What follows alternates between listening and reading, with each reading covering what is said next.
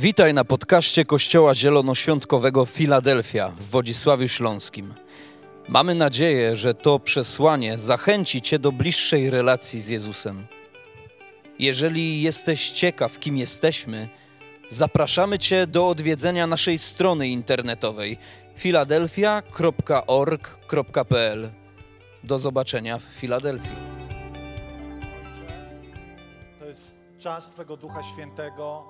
Panie, my wyznajemy Twoje poruszenie, wyznajemy Twoją przemianę, wyznajemy Twoje przebudzenie, Twój ogień w naszym życiu, gorliwą wiarę, zakochanie w Tobie. Panie, nawrócenia do prawdziwego Boga, Boga Biblii, kochanego Jezusa Chrystusa. Ojcze, deklarujemy dzisiaj Ci nasze umysły i nasze serca, aby Panie był to nie tylko efektowny czas, ale efektywny poprzez przemianę Ducha Świętego. Amen. Amen. Jej!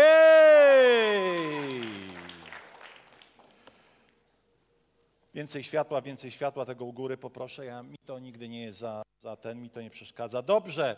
Moi drodzy, nowy cykl. E, może chwila. Wróciliśmy wczoraj z Warszawy. Byliśmy na fantastycznym wydarzeniu This is Our Time, organizowanym przez e, Nations of Fire Kuby Kamińskiego. E, wiecie, coś Bóg dobrego w Polsce robi. E, zastanawialiśmy się, rozmawialiśmy nawet e, z kilkoma e, pastorami, że to jest niesamowite, że 20 chyba 7, Kuba wybacz, jeśli mylę wiek, 27-letni chłopak, 5 lat nawrócony, jest w stanie zgromadzić w czasie COVID-u 2000 ludzi. To jest niesamowite. I powiem tak, nikomu to się nie udało z polskich mówców wcześniej. Pamiętam czasy, kiedy, kiedy był David Wilkerson, to jest taka legendarna postać, pastor z Ameryki, on już nie żyje, w latach 80. i 90. przyjeżdżał do Polski, to on e, zgromadzał masę, masę ludzi, wtedy to był też czas duchowego ożywienia w Polsce, ale nie pamiętam, żeby pojedynczy mówca robiąc imprezę był w stanie zgromadzić takie tłumy i starszych, i młodszych, jest namaszczenie nad tym człowiekiem. Chcemy go wspierać, chcemy być w tym, co robi. E, on nas rozciąga, mnie rozciąga i to jest bardzo takie czasami e, niekomfortowe, ale ja chcę być w tym, co Bóg dzisiaj czyni w Polsce, nie chcę się rozminąć. To jest, wiecie, niesamowite, kiedy widzisz dwa tysiące ludzi, którzy przyjechali, e, cierpiąc jakieś niewygody, w jednym celu, aby szukać Boga. Aby szukać Boga, szukać przełomu do swojego życia, szukać Bożej obecności. Ktoś może powiedzieć, a to w domu nie można szukać? Czasami nie. Czasami nie. E, I wiem dlaczego. Dlatego, że chrześcijaństwo to jest wspólnota, to jest bycie razem. I coś Bóg czyni z Tobą face to face, twarzą w twarz, kiedy jesteś w domu na porannej modlitwie, która jest absolutnie fundamentem, ale coś czyni innego, kiedy jesteśmy tak jak tutaj razem. I tamto jest absolutnie kluczowe, ale to jest niezbędne. Dlatego pojechanie na duży event też rozszerza nasze myślenie o Kościele. I pomyślałem sobie, wiecie, był taki moment, kiedy Jakub robił wezwanie, i tak w pierwszym, w pierwszym momencie pomyślałem sobie, a to nie do mnie, przecież ja jestem taki postępowy, w sensie taki pionier i w ogóle. I tak sobie pomyślałem, kiedy zaczynasz tak myśleć, to po tobie już. Dlatego, że życie z Bogiem to jest ciągłe podążanie za Bogiem, bo ciągle jest więcej. Kiedy myślisz, że już osiągnąłeś, kiedy myślisz, że już wszystko zobaczyłeś, to tak naprawdę e, otworzyłeś kalendarz pod tytułem Moje duchowe umieranie. Bo ty już wszystko wiesz. Jakby Pan, Pana Boga zmieściłeś do swojej głowy. I pomyślałem sobie o historii Billa Johnsona, który powiedział tak, że on tak poszukiwał Boga i Jego namaszczenia, że o cokolwiek robili, jakiekolwiek wez- wezwanie, to on wychodził. I mówili mu, Bill, po co ty wychodzisz? Przecież to nie... Nie, bo może to jest ten moment, w którym Bóg mnie dotknie w szczególny sposób. A potem po latach zapytano go, jakie miałeś najbardziej spektakularne uzdrowienie w swoim życiu? bo chcę wam pokazać, czym to zaowocowało, to ta pogoń za Bogiem. A on mówi, moment, w którym podczas jednego ze spotkań kobieta nagle zaczęła krzyczeć, bo okazało się, że jej sztuczna gałka oczna była wypychana przez nowe oko, które Bóg stworzył. Facet, który pewnego dnia stwierdził, hmm, moje duchowe życie jest suche jak krakers. Muszę coś z tym zrobić. I powiem wam tak, Głęboko wierzę, że wszelkie duchowe przełomy zaczynają się od mojego duchowego przełomu, Twojego duchowego przełomu. I generalnie od tego, aby ludzie Boży żyli w taki przebudzony sposób. I będziemy głosić o Jezusie, który prowadzi ludzi do gorącej wiary, ponieważ chrześcijaństwo ma tylko jeden wymiar być gorącym. Nie ma czegoś takiego jak liberalny chrześcijanin. Nie ma czegoś takiego jak powściągliwy chrześcijanin. O tak, są fanatycy religijni, nawet chrześcijańscy, ale kiedy mówię gorący chrześcijanin, to mam na myśli człowieka, który płonie miłością do Boga i do ludzi. Płonie, płonie. I o takim wymiarze duchowego życia będziemy mówić od dzisiaj aż do końca świata, dlatego że tylko taka wiara ma sens, moi drodzy. Amen. A dzisiaj miałem rano przygodę, to taki, wiecie, lodołamacz i wstęp. Jak niektórzy wiedzą, a trudno o tym nie wiedzieć, mam psa, którego naprawdę jestem w nim zakochany. No oczywiście w żonie, w dzieciach bardziej, ale kocham tego psa. Wiecie, ale ten pies przysparza masę kłopotów. On ciągle jest na etapie takiego dorosłego szczeniaka. Wygląda groźnie, a jest tak głupi. Jest tak po prostu w tej pocieszny, tak. E, nie jestem w stanie, chociaż udaję, że jestem zły na niego, zaraz wam powiem, co rano zrobił. E, I chociaż udaję, że jestem zły na niego, chociaż e, obiecujemy, że go uśpimy, że go otrujemy, to go po prostu kochamy. I wiecie, rano pies zaczyna tam skomleć, że chce wyjść na zewnątrz. No dobrze, więc ja trochę e, ponieważ nasz pies co jakiś czas uciekał do sąsiadów, a wiecie, to jest taki pies, że jak ucieknie, to cała wieś jest po prostu w stanie gotowości bojowej, e, bo on tak groźnie wygląda, ale to jest naprawdę ciapa. Ale ja wiem, można mieć z tym problem. I wiecie, wypuściłem go sobie, myślę tak, pada deszcz, na pewno nie ucieknie. Więc wypuściłem go i patrzę, obserwuję psa. Pies załatwił swoje potrzeby fizjologiczne i jak poszedł. Plusem było to, że już wiem, gdzie jest dziura w płocie. Ale kiedy poleciał do sąsiadów, ponieważ tam ma trzech kolegów i inne psy, wiecie, takie trochę jak bezdomne, no ale dobra. I, I, poleciał do tych psów, wiecie, ja szybko biorę smycz, lecę do tego sąsiada, żeby sąsiad nie musiał e, tego widzieć, no bo obcy pies lata po jego, po, jego, po jego posesji. I patrzę, nie ma tych psów, które tam zawsze były. Pomyślałem sobie, pochowały się w budach, bo pada. No więc tak odważnie idę do tego mojego psa, który tak się uśmiecha, na zasadzie, co mi zrobisz, jak mnie złapiesz. I wiecie, idę z tą, z tą smyczą i nagle z boku, nagle, po prostu byłem totalnie zaskoczony, wyskakuje taki mały ratlerek. Mój pies mógłby zjeść na śniadanie tego ratlerka. Jednym kęsem odgryźć mu głowę, połknąć go. I wiecie, kiedy ten ratlerek wyskoczył, to ja wpadłem w taką panikę i zaczynam uciekać w stronę mojego psa, ale te całe podwórze, podwórze u tego mojego sąsiada to jest mieszanka błota i obornika. I jestem w klapkach, w krótkich spodenkach, bez koszulki. I nagle te klapki mi się zaczynają, wiecie, poślizgnęły. I jak długi zaliczyłem przysłowiową glebę, a mój pies patrzy i macha ogonem. I pomyślałem sobie, że wiecie, że w naszym życiu jest tak, Potrafimy toczyć olbrzymie duchowe bitwy, a czasami wybiega jakiś ratlerek i mi wpadamy w histerię.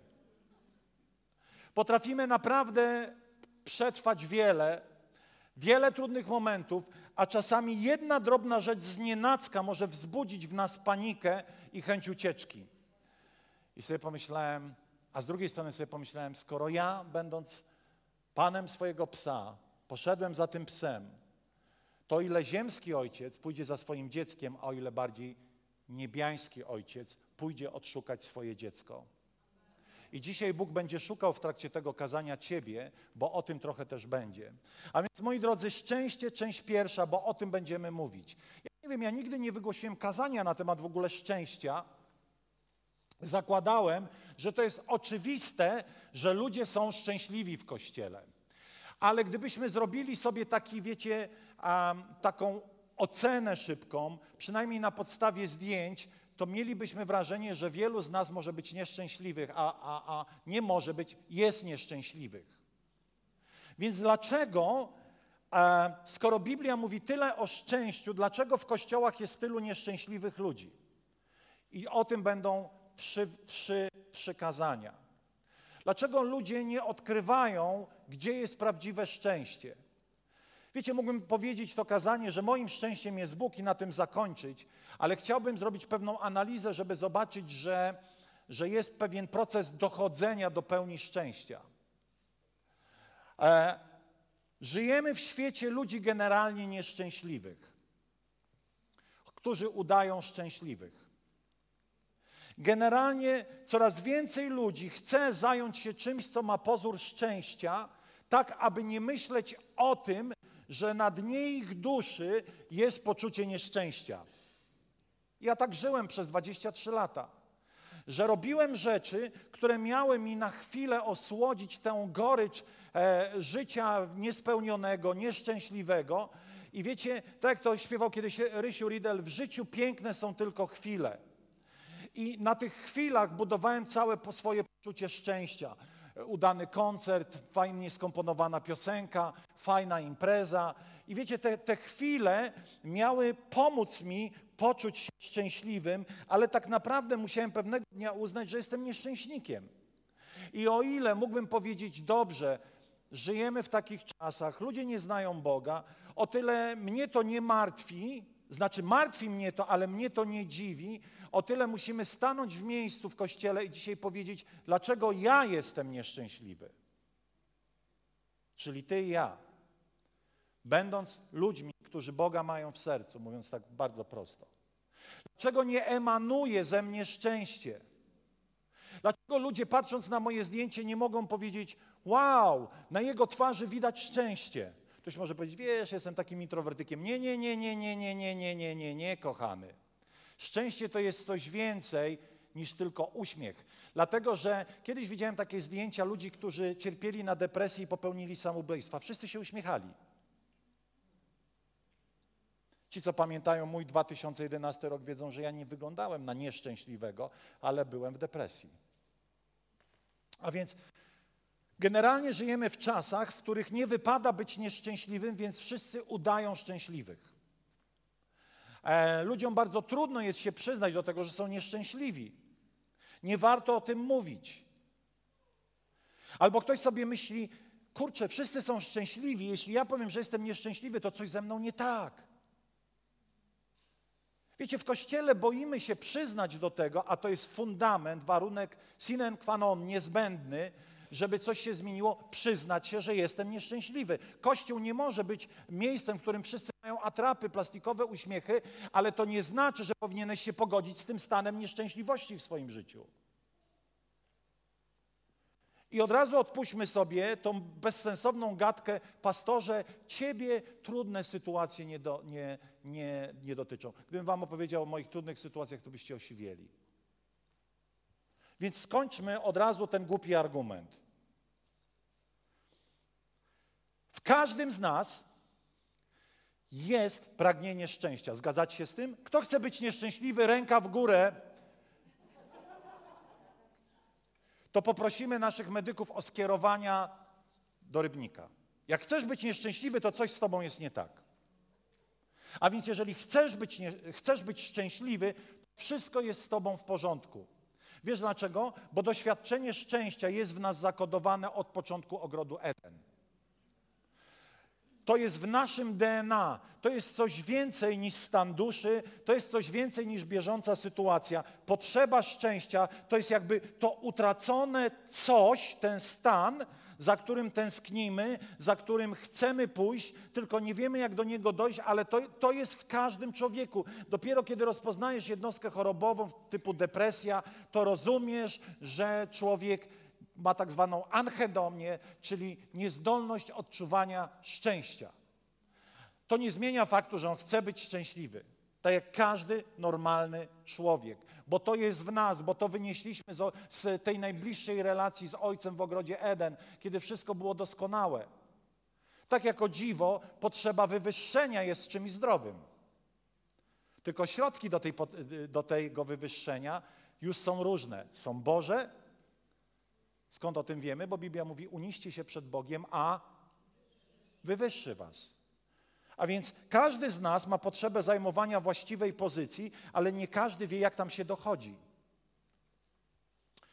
Każdy z nas ma potrzebę szczęścia, ale nie każdy wchodzi na tą właściwą ścieżkę odnalezienia go, albo inaczej nie idzie tą drogą.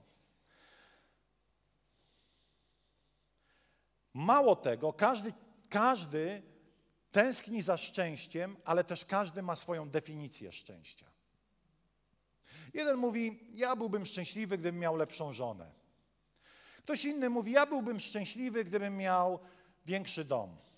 Ja bym był szczęśliwy, gdybym miał wie, więcej dzieci, albo gdybym w ogóle mógł mieć dziecko. Niektóre rzeczy są naprawdę pragnieniem serca, ale prawda jest taka, że nie ma takiej rzeczy ani takiej osoby na kuli ziemskiej, która mogłaby sprawić stan ciągłego szczęścia Twojej duszy. Nie ma. Dlatego, że każda z tych rzeczy ma swoją niedoskonałość i swoją ułomność, która czasami od czasu do czasu sprawi Ci ból. Nie ma w sobie tego potencjału doskonałego dania szczęścia, ponieważ wszystko na tej ziemi jest ułomne. Dlaczego więc tak bardzo poszukujemy tego, co jest ułomne, tego, co nie może dać nam szczęścia? Ale zanim do tego pójdziemy, słuchajcie, definicja szczęścia. Odczuwać szczęście oznacza chwilowe odczucie bezgranicznej radości. Ja na przykład zawsze mam poczucie szczęścia, kiedy uwielbiam Boga. Ja nie wiem, co się dzieje w mojej głowie, w mojej duszy, jakie tam procesy chemiczne zachodzą, jakie tam procesy duchowe zachodzą, ale to jest dla mnie euforia. To jest dla mnie to chwilowe doznanie, od którego jestem uzależniony. Te chwile szczęścia, za które jestem w stanie zapłacić każdą cenę. Ale dla niektórych może być odczuciem szczęścia, nie wiem, kupienie nowego samochodu trwa tak długo, dopóki nie przyjdzie e, e, wezwanie do zapłaty za pierwszą ratę na przykład. Wiecie, że nasz mózg przyzwyczaja się do wszystkiego i nawet jakbyś miał naj, naj, największego Mercedesa AMG i w ogóle, to za jakiś czas już nie będziesz zauważał tego wszystkiego. Czy to jest coś w tym złego? Nie. Miej rakietę, ale musimy nabrać do tego właściwego stosunku i zobaczyć, że nic nie syci naszej duszy jak i o tym będziemy mówić. A więc chwilowe zadowolenie, euforia, stan upojenia, ale też jest trwałe poczucie szczęścia, to jest zadowolenie z życia, połączone z pogodą ducha, optymizmem. To jest, to jest e, ocena własnego życia jako udanego, wartościowego, sensownego. I, i, I bycie chrześcijaninem polega na tym, że kiedy będziesz odchodził z planeta Ziemia na planetę niebo, to będziesz mógł powiedzieć: Moje życie było udane. Nie przegrałem go. Kiedy będziesz żył, pomimo wielu trudności, wielu zmagań, będziesz mógł mówić: OK, są momenty smutku, ale generalnie u podstawy, u, u fundamentu jestem człowiekiem szczęśliwym. To nie jest ważne, że chwilowo się zasmuciłem, tak jak nie jest do końca miarodajnym to, że chwilowo się rozradowałem. Mogę chwilowo się ucieszyć czymś, a być nieszczęśliwym, tak jak mogę czymś się e, zasmucić, będąc szczęśliwym. Jesteście ze mną? Ponieważ my mówimy absolutnie o czymś, co jest fundamentem, co gdzieś jest e, jakby ulokowane na dnie mojej duszy i z tego wszystko wypływa. O tym będziemy mówić. Czym jest szczęście w takim razie na ziemi? Szczęście na ziemi to pewien specyficzny stan Twojej duszy. Pewne mocne podstawy, które zostały tam raz na zawsze załatwione.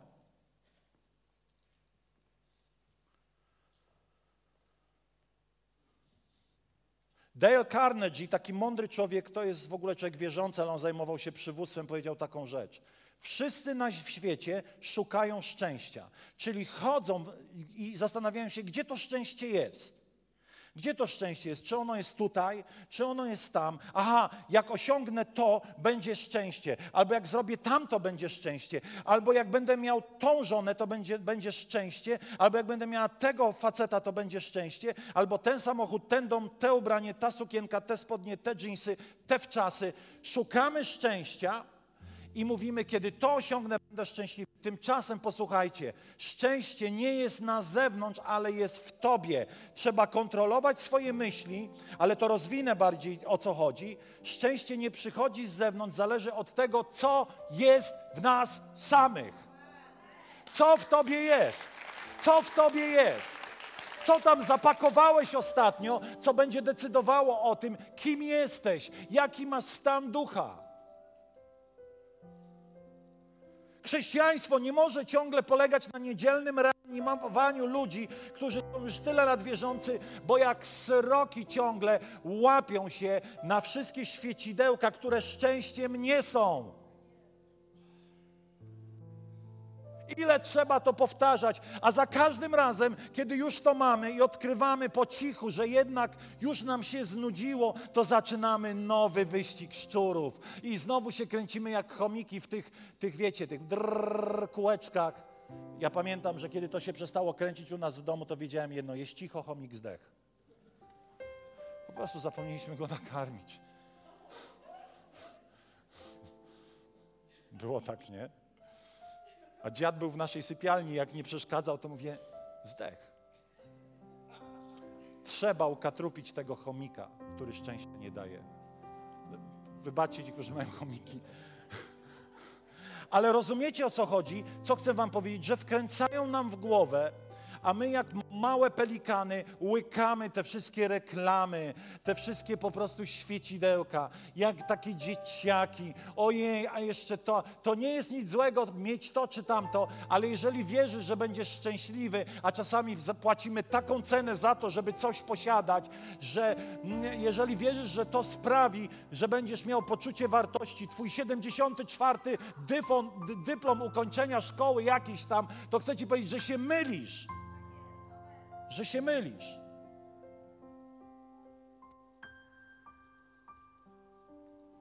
Nie jest niczym złym edukacja. Sam pcham dzieci, żeby się uczyły. Ale jeżeli w tym jest moje poczucie wartości, jestem godny pożałowania. Nie ma niczego złego, żeby wybudować sobie dom. Ale jeżeli robisz to kosztem rzeczy absolutnie niesamowitych, o których za chwilę Wam powiem, to jesteś godny pożałowania. Sorry bo znowu się nabrałeś. Znowu się nabrałeś. Znowu oglądasz tą reklamę nowego samochodu i sobie myślisz, wow, pokazują jakiegoś faceta, wiecie, on taki przystrzyżony, nie tak jak ja, taki, wiecie, wyperfumowany, siada w tym garniturku i ty sobie myślisz, jak kupię tego Jaguara, to będę taki gość. Pojeździsz nim, pojeździsz i stwierdzisz, że dalej jesteś głodny a potem stłuczysz, stłuczesz reflektor, no, chociaż jak masz jaguara, to cię stać na ten reflektor. Nie zrozumcie mnie źle, ja, to nie jest, jak, jakby ja chcę wam powiedzieć, żebyście się nie nabierali. Bogaćcie się, super, rozradzajcie się, czyńcie ziemię poddaną, ale musimy zdefiniować, co jest naszym fundamentem szczęścia. Bo wtedy te inne rzeczy będą nas tak po prostu po ludzku cieszyć, co nie jest złe ale kiedy to ma dać Ci szczęście, rozczarujesz się. Warto cieszyć się chwilą. Warto doceniać te wszystkie prezenty, fanaberie, które Bóg nam daje. Ja osobiście wierzę, że Bóg daje nam prezenty typu fanaberia. Naprawdę. Bo skoro ja moim dzieciom robię prezenty typu fanaberia, i wcale to ich nie psuje, wcale to ich nie demoralizuje, ale one wskazują na coś więcej. Wczoraj byliśmy w Warszawie, przedwczoraj poszliśmy z naszą Karolinką do restauracji. Cudownej, cudowne jedzenie. Rachunek, a cudowny. Tylko wiecie, ja byłbym żałosny, gdyby mnie ten rachunek bolał. Bo najcudowniejsze było te dwie godziny z moją rodziną. To było bezcenne. Amen. I to była ta fanaberia.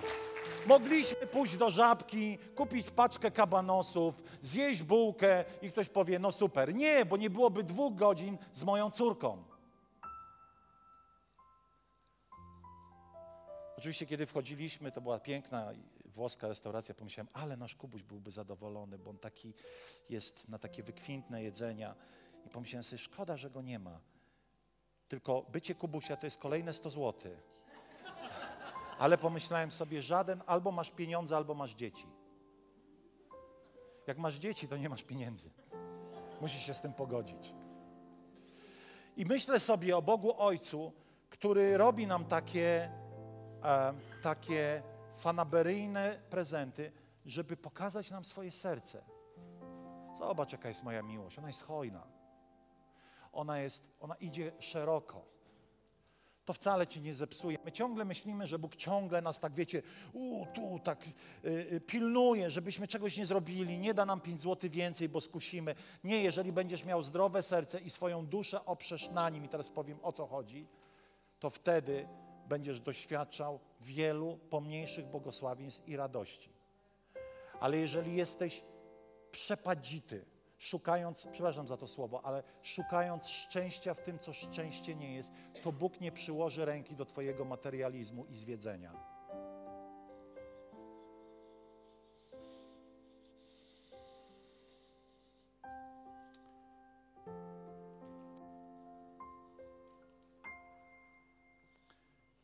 Nasza dusza może być w fałszywym kursie i to jest trochę jak jazda zimą w kolejnach. Jechaliście kiedyś? Ja pamiętam do dzisiaj, kiedy jechałem tak zwaną tą wiślanką, która była nieodśnieżona i było bardzo dużo śniegu. I pamiętam, wiecie, to była taka droga, po której nie wiem jak teraz, ale jeździło bardzo dużo tirów. I te tiry zrobiły olbrzymie kolejny. I wiedziałem, że na wysokości Orzesza muszę skręcić w lewo w jakiejś tam sprawie. Ale wiecie, tak tam rzadko auta jeździły, że próbowałem kręcić i choć te opony, by, te koła były skręcone, to ten samochód nie umiał wyjść z tych kolei.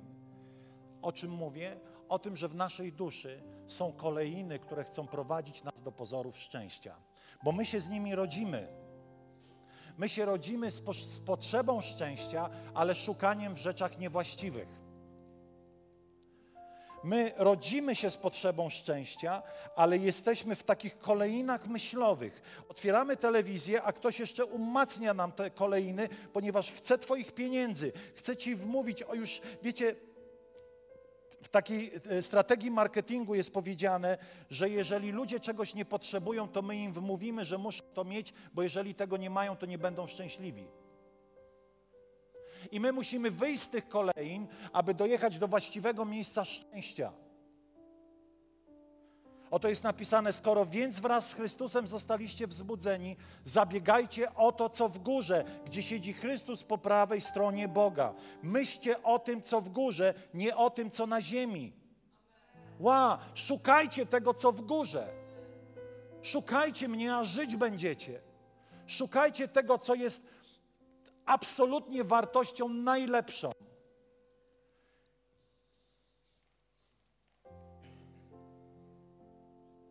Ktoś powiedział tak: szczęście, i miał na myśli to nasze ziemskie szczęście, jest napojem gazowanym.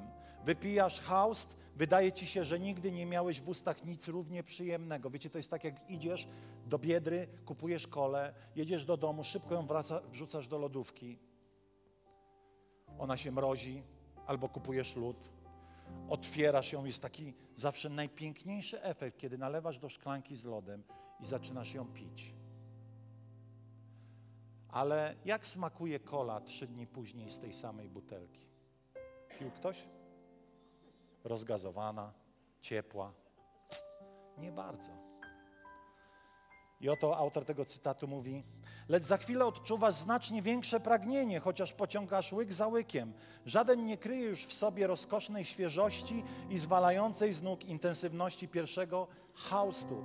Jedyne, co ci zostaje, to blednące wspomnienie pierwszego wrażenia. Więc starasz się je odnaleźć, kupując podwójną ilość butelek familijnych albo zgrzewek po sześciopaków lub dwana, po dwanaście sztuk. Coś w tym jest. Coś w tym jest. Próbujemy odszukać ten kawałek szczęścia, który mieliśmy w takim czy innym momencie, ale moi drodzy, ja chciałbym Wam zacytować coś, co wydaje się banałem, jest absolutnie fundamentem. Oto Psalm 73, 23. Mówi tak. A ja, moim szczęściem jest być blisko Boga. W Panu w Jachwę znalazłem schronienie, nadzieję i pragnę opowiadać o wszystkich Twoich dziełach. Zatrzymajmy się na chwilę na tym fragmencie. Moim szczęściem jest być z Bogiem, blisko Boga. Tu jest klucz. Ponieważ żyjąc wiarą, żyjąc codziennością, tak naprawdę jesteśmy albo w procesie przybliżania się do Boga, albo w procesie oddalania się od Boga. Ale kiedy oddalasz się od Boga, to między Tobą a Bogiem nie jest tylko powietrze, tylko za każdym razem, kiedy odchodzisz, to coś wypełnia tą sferę. Ten dystans między Tobą a Bogiem nigdy nie zostaje pusty. To nie jest tak, że jesteś daleko, a ciągle jesteś blisko. Kiedy oddalasz się od Boga, to w to miejsce, w Twojej duszy przychodzą różne rzeczy, które sprawiają, że jest Ci coraz dalej. I szczęście nie polega na tym, że jestem z Bogiem, tylko jestem blisko Boga, a to jest zasadnicza różnica. I żeby być blisko Boga, to musisz zastanowić się w końcu, co Cię od tego Boga oddziela. Jaka codzienność mnie oddziela od Boga? Jakie moje nawyki oddzielają mnie od Boga? Nie może być tak, tak jak powiedziałem, że co tydzień trzeba cię reanimować. W końcu bądź facet, bądź baba, weź po prostu sprawy w swoje ręce i zacznij wyrzucać to wszystko, co oddziela cię od Boga. Zapłać tą cenę, poświęć się, niech cię to boli, niech po prostu to będzie walka, ale stań i powiedz: Ja muszę być blisko Boga, ja wiem, co mnie oddziela od Boga. Ja muszę coś z tym zrobić. Nie mogę być ciągle takim smętem niedzielnym. Przepraszam, nie chcę nikogo obrażać. Może już jesteś obrażony. Nie chciałem, ale naprawdę musisz zrozumieć, że tak się nie da. Oto pewnego dnia przychodzi bogaty młodzieniec do Boga, do Jezusa i opowiada mu, jak wszystkie różne rzeczy robi. Robi to, robi tamto, wszystkie religijne uczynki. I Pan Jezus go pochwalił, ale mówi: Jednego ci brak. Zbudowałeś mur. Mur w swoim sercu, który za każdym razem będzie cię oddzielał, albo rzecz, która stała się dla ciebie tak cenna, że kiedy będziesz musiał wybrać albo ja, albo to coś, to wybierzesz to coś. I on mówi: To co to jest? On mówi: Jesteś bogaty, co nie jest złe, ale rozdaj to. Pewnego dnia cena bliskości w Twoim życiu będzie wymagała od Ciebie to, co powiedział Lechu, takiego Izaaka. Izaaka. Tylko Izaak był takim pozytywnym, taką pozytywną alegorią, coś cennego, coś, co jest dla mnie ważne, dla serca. Izaak nie uosabia jakiegoś zła wcielonego, ale wiele razy my mamy coś, w co wierzymy, że jest naszym szczęściem i Bóg mówi, musisz mi to oddać. To nie może być ważniejsze niż ja. To nie może ciągle sprawiać, że dokonujesz złych wyborów. Musisz podjąć walkę będzie cię to kosztowało bardzo wiele. Twoja dusza będzie krwawić, będziesz toczył bitwę, być może pierwszą przegrasz, drugą przegrasz, czwartą przegrasz, ale pewnego dnia przyjdzie zwycięstwo i znowu wrócisz do mnie blisko. Ale człowiek jest czasami tak po prostu dziwny, że ma swoją wersję Boga i Biblii. O nie, pastorze, nie świruj, takie radykalne coś.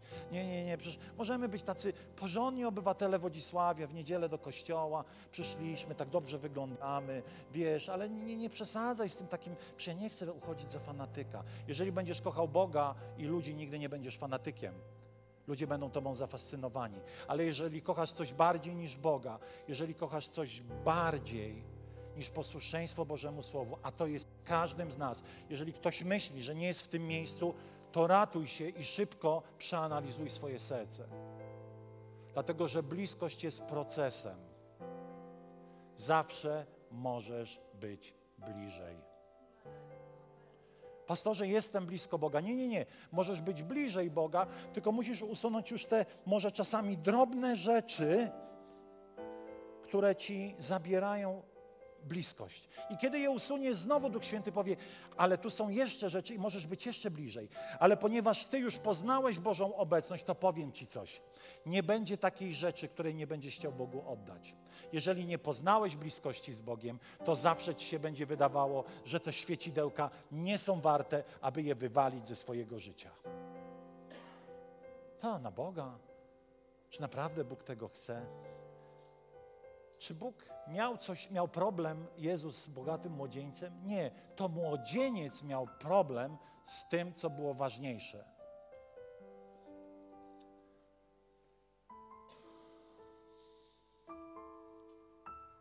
Szczęście zawsze wiąże się z bliskością Boga. Im więcej nas dzieli, tym, tym dalej jesteśmy od siebie. To, co mnie dzieli od Boga, Inaczej, im dalej jestem od Boga, tym więcej rzeczy wchodzi w moje życie.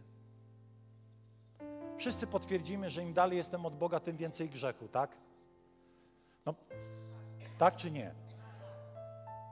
To dlaczego nic z tym nie robimy? Bo nie mamy siły. Bo jeszcze nam to nie obrzydło. Bo e, unikamy miejsc, w których może stąpić Boża obecność i nagle mnie to będzie po prostu boleć. Wczoraj wchodziłem na salę na konferencji i wiecie, byłem pewien, że mam maseczkę w tylnej kieszeni. I stoi jakiś człowiek niskiego wzrostu, tak to nazwę. Chudziutki jak zapałeczka. I mówi do mnie niezbyt kulturalnie, gdzie maseczka? A ja, jak to wielki pastor, mąż Boży, mówię, założę. On mówi, ale proszę przed wejściem. Dobra, założę. Proszę pana, proszę założyć tą maseczkę przed wejściem. Co myślę, no dobra, wyciągam. Nie mam. I mówię, moja żona ma. Nie mogę pana wpuścić. Pomyślałem sobie, a co ty mi będziesz tu gadał? Ja idę. Poszedłem. Wszedłem na tą salę i tak stoję w tym uwielbieniu i czuję, jak mnie żołądek boli. Wielki mi pastor. Zryczał biednego chłopa. Może nawet nie zryczałem, ale zlekceważyłem. I słyszę, co człowiek sieje, to i rządź będzie. I myślę, Jezu, ja nie chcę, żeby ludzie w moim kościele byli krnąbrni. Ja chcę, żeby byli pokorni. Więc wróć i przepchroć tego człowieka nie, nie, zdenerwował mnie, nie, nie mogę, nie, zdenerwował. Wiecie, co ja chcę powiedzieć, że kiedy stajesz w Bożej obecności, to Bóg do ciebie mówi nie tylko o rzeczach wzniosłych, ale o rzeczach załatw to. Mówię do Angeli, Angelko, ja zaraz wrócę, daj mi maseczkę. I nie kreuję się teraz na wielkiego pokutnika, tylko mi po prostu jest wstyd za to, co zrobiłem wcześniej. I przychodzę, mówię, proszę Pana, ja chciałem Pana bardzo przeprosić za moje zachowanie, to jak się zachowałem, jak niedojrzale, jak głupek, jak osoba nieodpowiedzialna e, i w ogóle, i w ogóle. I tak się nagadałem, wiecie, jakbym go pobił tam. E, ale ja czułem, że, że czasami te drobne sprawy, wiecie, i to nie o to chodzi, że będę takim aptekarzem wszystkiego, ale czasami trzeba. Dlatego, że jeżeli raz przejdziesz do porządku dziennego z jedną urazą, drugą, z jedną krnobrnością, z jednym jakimś nieładnym zachowaniem, trzecim, piątym, siódmym, to tak naprawdę przyzwyczaisz się do tego, ale w duchowej rzeczywistości wszystko działa tak, jak Biblia opisuje i my się oddalamy. To jakby narasta jak po prostu brud na naszej skórze. Ktoś może powiedzieć, no ale łaska Boża, oczywiście ona ciągle płynie, dlatego nie pójdziesz do piekła. Ale jakość Twojego życia tu na ziemi będzie wątpliwa. Dlatego, że Twoje uczynki, one sprawiają, że Ty swoje sumienie, które było nakierowane na bliskość z Bogiem, zatwardzasz i coraz trudniej Ci jest być blisko Boga. Przyzwyczaiłeś się po prostu do Boga, On jest za taką szybą Twoich różnych spraw, ale to jest czas, abyś powstał i powiedział: Wyrzucam wszystko, co mnie oddziela od Boga. Bo moim szczęściem jest być blisko Boga. A więc jeżeli mogę być blisko Boga, to mogę być także daleko od Boga. To, co masz, rozdaj ubogim. Sprzedaj wszystko i naśladuj mnie. A może dzisiaj Bóg mówi: przynieś mi to, oddaj to, w czym jesteś tak bardzo zakochany. Uwolnij swoje serce, bo nie jesteś blisko mnie, bo jesteś blisko tego czegoś, tego kogoś. Wiążesz przesadne nadzieje z tym lub z tamtym, bo tam jest dalej napisane co? W Bogu moim pokładam nadzieję. A więc moja bliskość rodzi we mnie właściwe miejsce, w którym będę pokładał nadzieję. Im dalej jestem od Boga, tym bardziej pokładam nadzieję w tym, czym Bo co Bogiem nie jest. Chciejmy powstać. To, w czym pokładam swoją nadzieję, oddziela mnie od szczęścia. Może myślę, kiedy będę miał to, kiedy będę miał tamto, kiedy już nabędę to, kiedy osiągnę tamto. Nie, nie, nie, nie, nie. Twoim szczęściem jest być blisko Boga, a tamte wszystkie rzeczy będą dawały Ci fajne momenty zadowolenia, ale nie dadzą Ci szczęścia. A więc musisz dzisiaj stanąć, mój drogi przyjacielu, i powiedzieć: Jezu Chryste, po prostu wyrzucam to ze swojego życia, przynoszę Ci to przynoszę Ci, jestem zmęczony. Wiecie, człowiek czasami dojdzie do takiego miejsca zmęczenia samym sobą, że musi powiedzieć, przynoszę Ci to Jezu. Po prostu jestem zmęczony tym, tak się nie da żyć. I chcę, żebyś miał dzisiaj takie poczucie, tak się nie da żyć, ja nie mogę tak żyć. Po prostu to jest irytujące, to tłamsi we mnie Boży ogień. To sprawia, że nie, nie ciągnę na nabożeństwo, nie mam siły iść na nabożeństwo. Wiesz dlaczego? Bo kiedy staniesz, to Boża chwała gdzieś Cię w brzuchu wierci, załatw to, zrób coś z tym, przyjdź z tym do mnie. I więc wiecie, co ludzie robią? Przestają chodzić w miejsca, w których Bóg dotyka ich spraw. Bo tak zrobiła Ewa. I tak robimy my. Lecz moim szczęściem jest być blisko Boga. Masz tylko jeden poziom bycia z Bogiem blisko. Blisko. Blisko, bliżej, jak najbliżej. To jest przeznaczenie dla Ciebie. I tam, gdzie jesteś dzisiaj, chciałbym wezwać Cię do takich odważnych deklaracji, do osobistego zapłacenia ceny posłuszeństwa, ponieważ Ty wiesz, co trzeba robić, ja wiem, co trzeba robić i przestań już tłumaczyć siebie, wytłumaczać siebie. Po prostu zacznij polegać na Bożej łasce, że Pan daje chcenie i wykonanie, i łaska to także zdolność do przezwyciężenia tego, co oddziela cię od Boga. Nie bazuj na swojej sile, ale przyjdź i powiedz: Panie, jestem bezsilny, ale Twoja łaska zabierze to z pomiędzy mnie i Ciebie, aby moja dusza mogła spocząć w Tobie i być szczęśliwa, abym przestał ekscytować tym, co szczęścia nie daje, być wdzięcznym za drobne przyjemności, ale Ciebie ustanowić absolutnym szczęściem, będąc z Tobą blisko.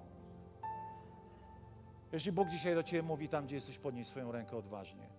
Nie bądź ciapą, nie bądź sierotą. Przestań już ciągle tylko gdzieś tam cicho szemrać pod nosem modlitwy. Czasami trzeba wyjść.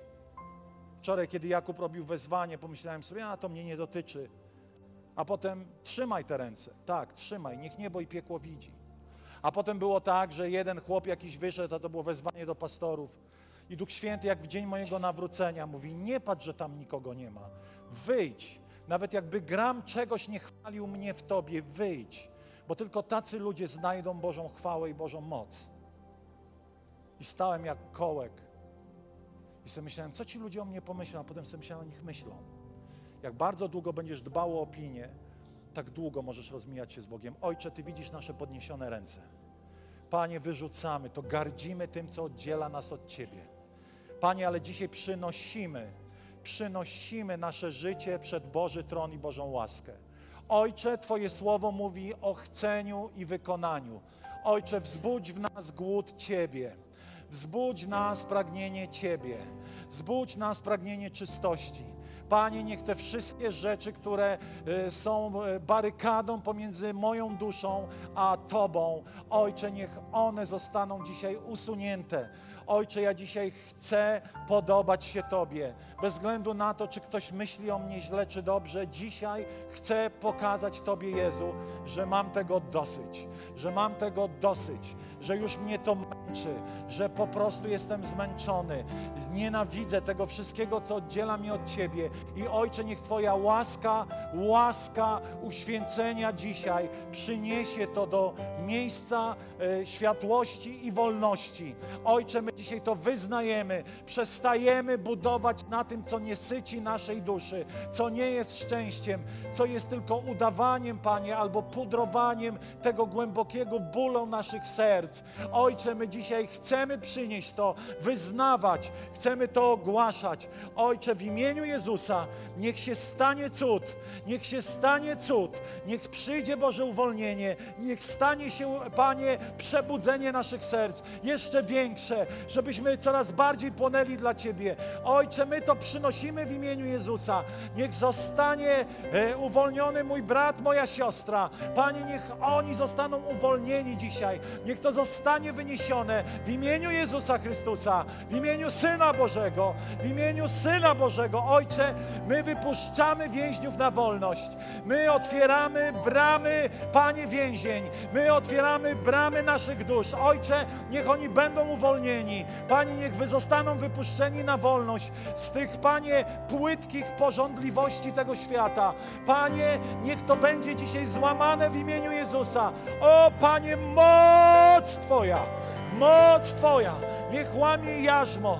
Panie, niech da nam Pan Bóg oczy mądre, duchowe, abyśmy widzieli, jak diabeł zarzuca na nasze życie, Panie, różne sidła, abyśmy wyzwolili się z sideł diabelskich w imieniu Jezusa, w naszych duszach, w naszym życiu. Ojcze, niech oni będą wolni teraz, niech oni będą wolni w imieniu Syna Bożego. Chwała Ci, Panie, chwała Ci, Panie, chwała Ci, Panie. A cały Kościół powie Amen, niech się stanie.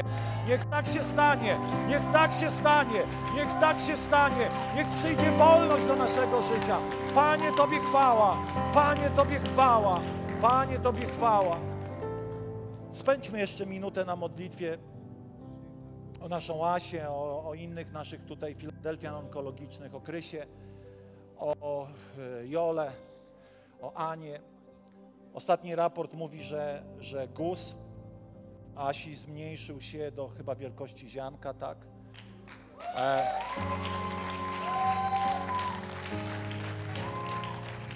Nie wiem, czy to jest tajemnica lekarska, czy nie, Panie Boże, wybacz, ale nie podano jej drugiej chemii, dlatego że ten guz jest tak malutki, że trzeba go, jak to się mówi fachowo, chyba odznaczyć. Więc amen. Ja też chciałbym powiedzieć dwie rzeczy takie teologiczne. To, że coś nie zniknęło natychmiast, to nie znaczy, że Bóg nie działa, dlatego że w Biblii jest pojęcie cudu i uzdrowienia. Cud to jest instant, ale też jest uzdrowienie, pamiętacie, człowieka, który e, po pierwszej modlitwie widział częściowo, a potem Jezus pomodlił się drugi raz i odzyskał zupełnie wzrok. Ja tego do końca nie rozumiem. Nie, nie pytajcie mnie, ale tak jest w Biblii, że czasami coś jest jakimś procesem i po prostu wierzymy, że to jest uzdrowienie w procesie, ale medycy byli zadziwieni. Już nie chcę wchodzić w szczegóły. W każdym razie bądźmy dobrej myśli. E, ale Tomek też się tam coś pochorował, e, z żyłami ma jakiś problem, e, jest unieruchomiony. Chciejmy wznieść swój głos do Boga. Chciejmy wznieść swój głos do Boga. Panie, dziękujemy Ci za Joannę, za Tomasza, za dzieci. Panie, ta rodzina służy Tobie i służyć będzie. Ta rodzina jest wypełniona Twoim szalom. Panie, ta rodzina jest wypełniona atmosferą nieba, Bożej obecności i żaden nowotwór nie może się ostać przed chorobą, przed Bożą chwałą. Panie, dlatego my dzisiaj jeszcze bardziej w modlitwie uwalniamy Twoją chwałę w tym domu. Panie, niech rzeczy będą w sposób cudowny prosperowały. Niech jej ciało prosperuje doskonale. Panie, niech ten system obrony walczy zwycięsko, wzmocniony mocą Ducha Świętego. Panie, niech Twoja chwała wygania każdą negatywną komórkę z jej ciała i z życia Tomka. Panie, nóg Tomka, modlimy się o to w imieniu Jezusa. Niech będą zdrowi, niech opowiadają swoją historię na chwałę Twoją. Amen, amen, amen. Oddajmy Mu chwałę, amen. Uwielbiamy Ciebie, Panie, uwielbiamy Ciebie, Panie. Shidalara manama sialore liara manasande. Panie, błogosławimy Krysię i Ole. Panie, błogosławimy Anię. Ojcze, niech Twoja ochrona także będzie nad nimi. Dziękujemy Ci, że żyją, że mają się dobrze. Panie, dziękujemy Ci, że nawet czerniak musiał ustąpić przed Twoją mocą. Panie, dziękujemy Ci, dziękujemy Ci za medycynę, za mądrość ludzi. Panie, dziękujemy Ci, że także w tym byłeś. Ojcze, Tobie chwała, Tobie uwielbienie. Panie, niech moc manifestuje się w Filadelfii, moc uzdrowienia niech objawia się w Filadelfii, moc uwolnienia, a nader wszystko moc zbawienia, Ojcze. Niech to będzie dom, Panie, który przyciąga uwagę wielu, przyciąga ludzi, którzy samotni szukają szczęścia. Panie, chwała Tobie. I jeszcze ostatnia modlitwa. Może przyszedłeś tu na to miejsce, bo właśnie poszukujesz szczęścia. Jest tylko jedna odpowiedź dla Ciebie. Twoim szczęściem jest być blisko Boga, ale Biblia mówi, że Twój grzech oddziela Cię od Niego. Nie możesz sam rozprawić się z tym grzechem. Jedyne co to, możesz uwierzyć, że Jezus na krzyżu zapłacił karę za Twoje grzechy. Jeśli w to uwierzysz, wszystkie Twoje grzechy będą przebaczone i będziesz miał dostęp do Boga i odzyskasz więź z Nim, której Ci brakuje. Tam, gdzie jesteś, jeżeli to Ty jesteś tą osobą, chcemy się dzisiaj z Tobą pomodlić.